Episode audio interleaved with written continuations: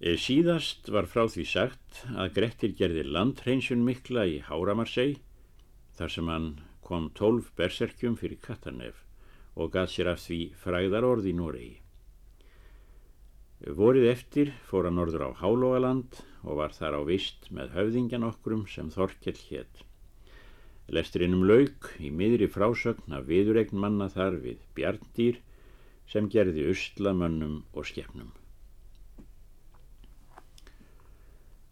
Á jólum fór Þorkell sjálfur til hýðisins og þeir átta saman.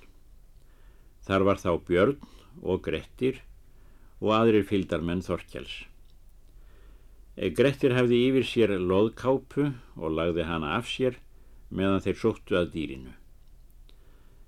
Þar var óhægt á að sækja því að ekki mátti við koma nema spjótalögum og beit hann þau af sér.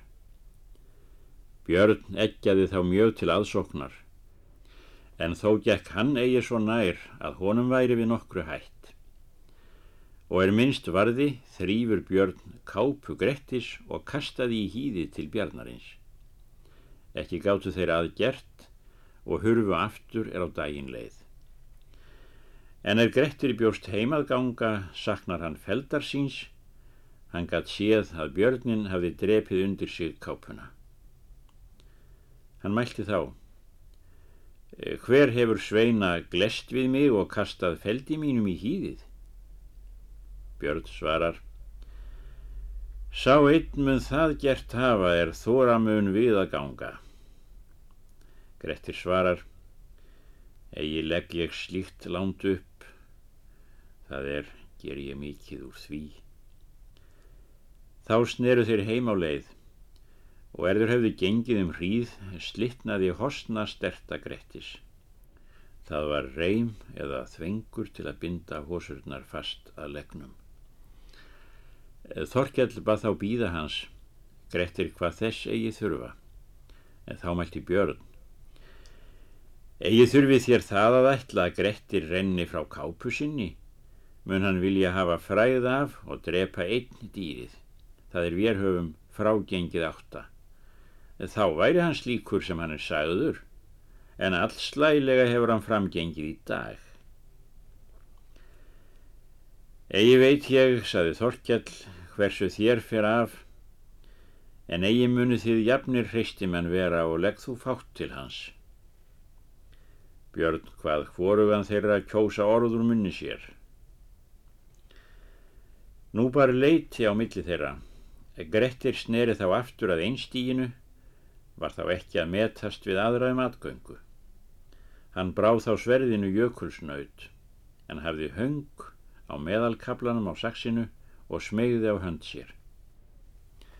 Því gerði hann svo að hann þóttist heldur meg að taka til þess er hann vildi ef laus væri höndin. Hann gekk þegar í einstígið og er dýrið sá mannin, hljóp það upp með grimd mikilli og í móti gretti og laust til hans með hramminum, þeim er fyrr eða fjær var berginu. Grettir hjó í móti með sverðinu og kom á hrammin fyrir ofan klærnar og tók þar af. Þá vildi dýrið ljósta með þeim fætinum er heilvar, skaust á stúfin og var þann læri en hann ætlaði og fjall þá dýrið í fang Gretti. Hann þrýfur þá meðal hlusta dýrinu og helt því frá sér svo að það náði eigi að býta hann. Svo hefur Grettir sagt að hann þóttist þá aflraun mest að gert hafa að halda dýrinu. En með því að dýrið braustum fast en rúmið lítið þá ruku þeir báðir ofan fyrir bjargið. Nú varð dýrið þingra og kom það fyrr niður á urðina, varð Grettir þá efri en dýrið lamdist þá mjög þeim megin sem nýður vissi. Grettir þrýfur þá til saksins og lagði björnin til hjartans og var það hans bani. Eftir það fór hann heim og tók feld sinn og var hann allur rifin í sundur. Hann hafði með sér það er hann hafði höggvið af framminum. Þorkell satt að drikju þá er Grettir kom í stofuna. Hlógu þeir að feldarslítrinu er Grettir hefði yfir sér. Hann setur nú upp á borðið það er hann hafði höggvið af framminum. Þorkell mælti. Hvar er nú Björn frændi minn? Aldrei sá ég þér svo býta járnin og vil ég að þú bjóðir Gretti sæmt fyrir þessa svífyrðing sem þú hefur til hans gert. Björn hvað það frestast mundu og hýrði ég aldrei hvort honum líkar vel eða ílla. Grettir hvað vísu þessa. Oft kom heim í húmi, hrættur þá er engum blætti, sá er vetur liða vitja, vínjörður í haustgjörði. Sá engi mig sitja, síð hjá bjarnar hýði, þó kom ég ullar otra út úr helliskúta. Bæði er, sagði Björn, að þú hefur vel framgengið en það ber þú okkur ólíkt söguna. Skil ég að þú mynd þykjast mér þessa sneið stinga? Þorkjall mælti Það vildi ég Grettir, sagði hann að þú hefnir þín eigi á byrni en ég mun bæta fyrir hann fullum manngjöldum og séð þið sáttir Björn hvað hann verja að betur fjesínu en bæta fyrir þetta. Þykir mér það ráðað, hér hafi eig það er af annari skefur, er við Grettir eigumstu við. Grettir hvað sér það allvel líka. Þá myndu Grettir, saði Þorkjall, gera það fyrir mína skuld, að gera eigi á hlutabjarnar meðan þið eru hjá mér. Það skal vera segir Grettir. Björn hvaðst óhættur ganga skildu fyrir Gretti, hvar sem þeir fyndust. Grettir glotti að, en vildi eigi þykja fjöð fyrir Björn og voru þeir þar um veturinn. 22. kapitúli Um vorið fór Grettir norður í voga með mönnum Þorkjáls skildu þeir Þorkjall með vináttu en Björn fór vestur til Englands og var fyrir skipið Þorkjalls því er þangað fór. Hafðist Björn þar við um sumarið og keipti til handa Þorkalli þá hluti sem hann hafði honum umbóðið. Sigildi hann vestan er áleið haustið. Grettir var í vógum til þessir flótin leisti. Síðan syngdi hann norðan með byrðingsmönnum nokkrum, þar til eftir komi í höfn þá er í görtum heitir.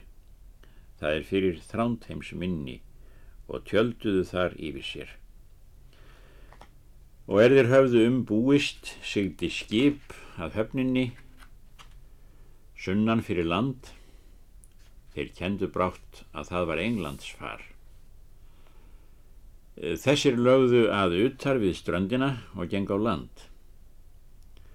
Grettir og hans félagar víku til móts við þá og er þeir fundust sér Grettir að Björn er þar í liði og mælti.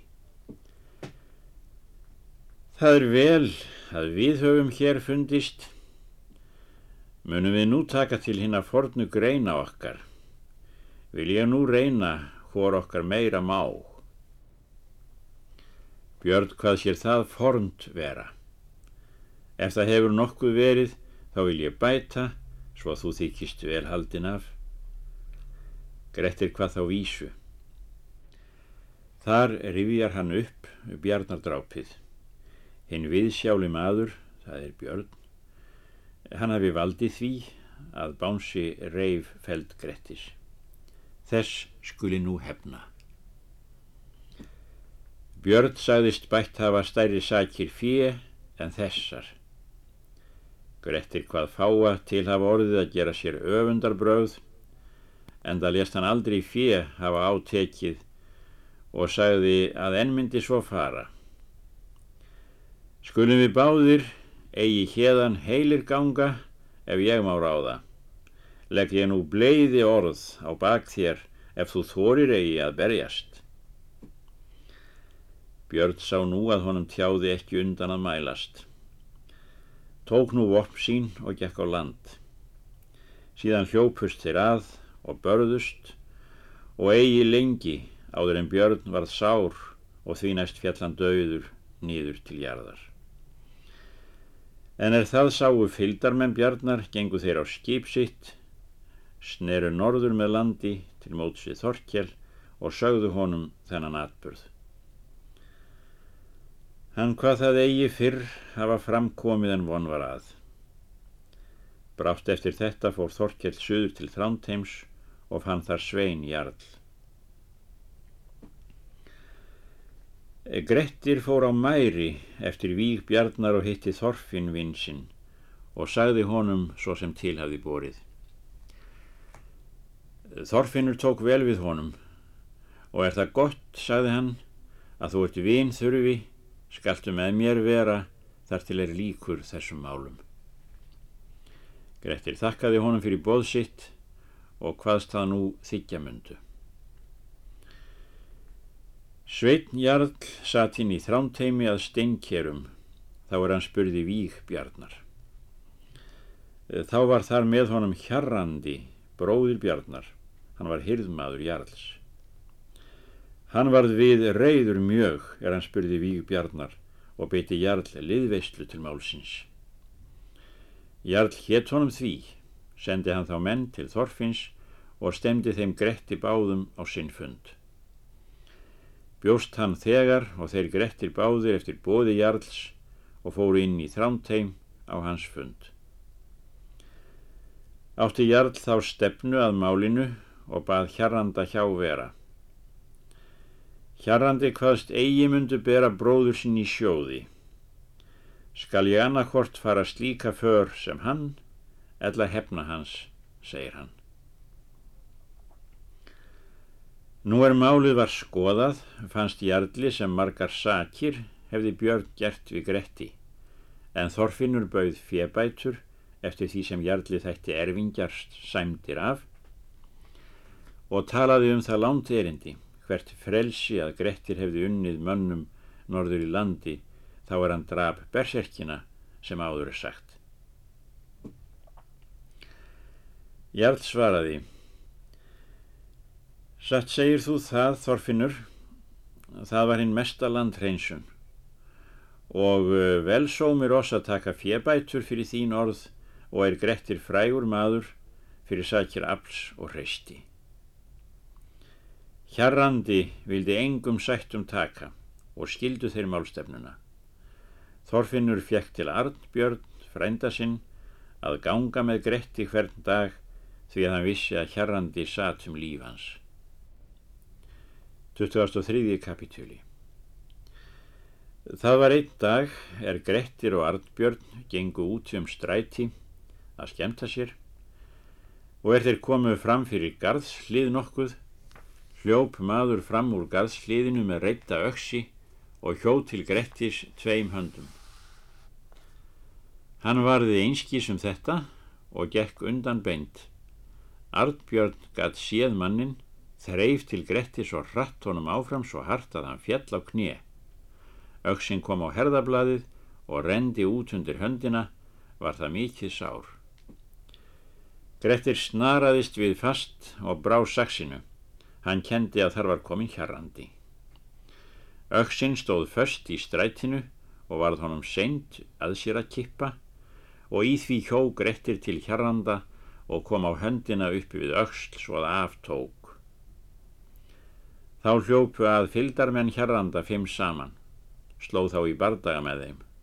Urðu þar skjót umskipti, drápu þeir Grettir og Arnbjörn þá fimm er með hérranda voru, en einn komst undan og sá fór þegar á fundi Jarls og sagði honum þessi tíðindi. Jarl varð afar reyður er hann frétti þetta og stemdi þing annan dag eftir. Komu þeir þorfinnur á þingið bar Jarl sakir á gretti um víin en hann gekk við og saðist hafa átt hendur sínar að verja. Mun ég og hafa merki á mér, saði Grettir, hefði ég bana fengið ef Artbjörn hefði eigi borgið mér. Jarl segir að það var illa er hann var eigi drepin. Men það verða margsmanns bani ef þú lífir.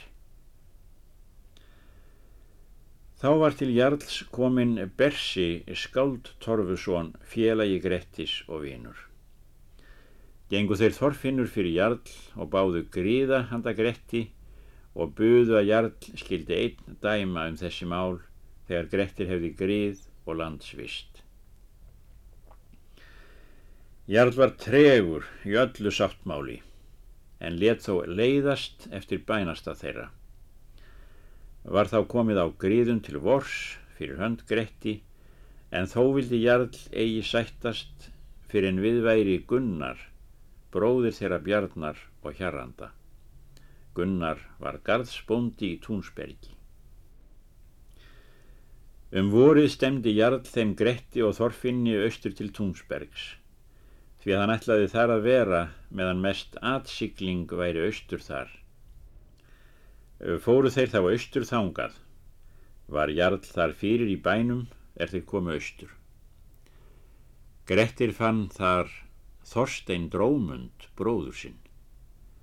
Tók hann við honum allvel og bauð honum til sín. Þorstein var þar garðsbúndi í bænum. Sagði Grettir honum af málum sínum og tók Þorstein vel undir en bað hann vera varan um sig fyrir Gunnari. Leið nú svo fram á vorið. 24. kapitúli Gunnar var í bænum og satum Gretti nær sem færi gæfi á honum. Það bar til á einhverjum degi að Grettir satt í búðun okkur og drakk því að hann vildi eigi verða fyrir Gunnari og er minnst varði var hlaupið á hurðina svo hart að hún brotnaði í sundur. Þar hljópu inn fjórir menn alvopnaðir. Var þar komin Gunnar og fyldarmenn hans. Þeir sóttu að Gretti.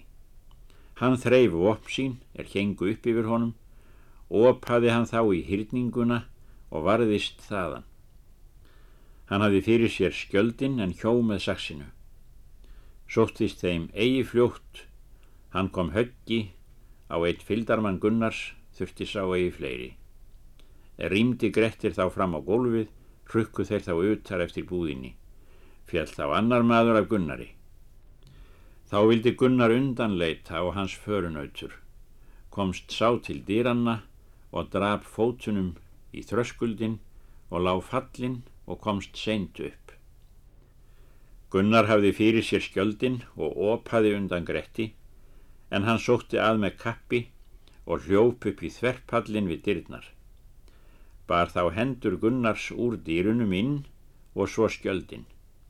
Grettir hjóð þá niður í milli Gunnars og skjaldarins og af honum báðar hendurnar í úlliðum. Fjall hann á bakaftur út úr dýrónum. Grettir hjó hann banahögg. Í því komst sá á fætur er honum hafi fyllt og fór þegar á fund Jarls og sagði honum þessi tíðindi. Sveitn Jarl varð ákálega reyður við þessa sögu og stemdi þegar þing í bænum. En er þeir Þorfinnur og Þorstein drómundur vissu þetta, heimtu þeir að sér tengdamenn sína og vini og fjölmentu mjög til þingsins. Jarl var all styggur og mátti lít orðum við hann koma. Þorfinnur gekk fyrst fyrir Jarl og mælti. Því er ég hér komin að ég vil bjóða yður sátt og sæmt fyrir vík þessi er Grettir hefur vegið skulu þér einir skera og skapa ef maðurinn hefur gríð. Jarl svarar reyður mjög. Seint leiðist þér að byggja gríða til handa Gretti, en grunar mig að þú hefur þar eigi gott að sög. Hefur hann nú drepið þrjá bræður, hvern á fætur öðrum, voru þeir svo hraustir menn í sér að enginn þeirra vildi í sjóð bera annan. Nú tjáir þér þorfinnur eigi að byggja fyrir Gretti. Því að ég vil eigi leiða svo inn rángindi í landið að taka bætur fyrir slík óhæfuverk. Þá gekk fram Bersi Skáldtorfusson, bað Jarl taka sættum. Vil ég, sagði hann, þar til bjóða mitt gós, því að Grettir er maður stórættaður og góður vinur minn. Megið þér sjá, herra, að betra er að gefa einu manni gríð og hafa í móti margra manna þökk en, en ráða einn fjesektum, heldur en brjótast í móti sæmtsinni og hætta hvort þér náið manninum eða eigi. Jarl svarar, vel fer þér bersi þetta og sínir þú það jafnan að þú ert góður drengur, en þó nenni ég eigi að brjóta svo landslögin að gefa þeim gríð er ólífismenn eru. Þá gekk fram Þorstein drómundur og kvatti jarl. Bauð bóð fyrir Gretti og fór þar um mörgum fárum orðum. Jarlinn spurði hvað honum gengi til að bjóða bóð fyrir þennan mann. Þorstein sagði að þeir voru bræður. Jarl hvaðst það eigi vitað hafa. En drengskapur er þér í þó að þú vildir hjálpa honum. En fyrir því að við höfum ætlað ekki hér fjöbætur fyrir þessi mál, þá munum við hér alla jafn dýra umgera. Skulum við hafa líf grettis, hvað er kostar, þegar við komumst við. Hljóp Jarl þá upp og vildi ekki álíta um sættirnar þegar Þorfinns og gengu þá heim í garð Þorsteins og byggust þar um. En er Jarl sá þetta, let hann vopnast alla hýrð sína, gengu síðan með fylltu liðið þángað og áður liðið kom að, skipuðust þeir til varnar fyrir garðsliðinu. Stóðu þeir fremstir, Þorfinnur og Þorstein og Grettir og þá Bersi, hafði hver þeirra mikla sveit manna. Jarl bað þá selja fram Gretti og halda sig eigi í ófæru. Þeir buðu öllin sömu bóð sem fyrr. Jarl vildi það ekki heyra. Þeir Þorfinnur og Þorstein hvaðu Jarli skildu meira fyrir verða að ná lífi Grettis, því að eitt skal yfir oss ganga. Og mun það þá mælt að þeir vinnið mikið til eins manns lífs er við erum allir að vellilagðir. Jarl hvað engan þeirra spara skildu var þá við sjálfu búið að þeir myndu berjast. Þá gengu að jarli margir góðgjarnir menn og báðu að hann heldi eigi til svo mikils vandræðis. Sögðu að þeir myndu mikið afhróð gjalda áður þeir væri drefnir. Jarl fann að þetta var heilræði, let hann þá heldur sefast. Síðan var dregin saman sættin voru þeir Þorfinnur og Þorstein þess fúsir þegar Grettir næði gríðum. Jarl mælti. Það skuli þér vita, sagði hann. Þó að ég geri hér mikið miðlunarmál um víg þessi, að ég kalla þetta enga sætt, en eigin enni ég að berjast við menn mína, þó að ég sjáu að þér metið mér lítils í þessu máli. Þá mælti Þorfinnur. Þetta er íður meiri sæmt, herra, því að þér skuluð einir ráða fjögjöldum. Jarl sagði þá að Grettir skildi fara í fríði fyrir honum út til Íslands, þegar skip ganga, ef þeim líkaði þá vel. Þeir kváðust það þykjamundu. Luku þeir jarli fjö svo að honum gast að og skildu með engum kærleikum. Fór Grettir með Þorfinni, skildust þeir Þorstein bróður hans með vináttu. Varð Þorfinnur frægur af fylg þeirri er hann hafði veitt Gretti við slíkt ofurefli sem hann átt að eiga. Engin af þeim mönnum komst í kærleikaði jarl þaðan í frá þeirra er Gretti hafðu lið veitt nema Bersi einn. Grettir fór með Þorfinni norður aftur og var með honum þar til er hann kom honum í skip með kaupmannum þeim er ætluðu til Íslands og gaf honum mörg góð þing í klæðum og söður steindan og bitul með. Þeir skildu þeir með vináttu, bað Þorfinnur hann sín vitja ef hann kæmi aftur til Noregs. 20. og 50. kapitúli Ásmundur Hærulangur bjó á bjargi meðan Grettir var utan og þótti hann þá gildastur bondi í miðfyrði. Eh, Þorkjall Krabla andaðist á þeim tímum er Grettir var eigi á Íslandi. Þorvaldur Áskirsson bjóð þá í Ási í Vatnsdal og gerðist höfðingi mikill. Hann var fadir Döllu er átti Ísleifur er síðar var biskup í Skálaholti var ásmundi að Þorvaldi hinn mest í styrkur til málaflutnings og margra hluta annara. Með ásmundi ógs upp sá maður er Þorgils hétt. Hann var kallaður Þorgils Máksson. Hann var náskildur frendi ásmundar. Þorgils var sterkur að afli og grætti mikið fjö með umsjá ásmundar. Keifti hann til handa Þorgils landið að lækjamóti og bjó hann þar. Eh, Þorgils var aðdráttar maður mikill og fór á strandir hvert ár. Ablaði hann þar hvala og annar að fanga.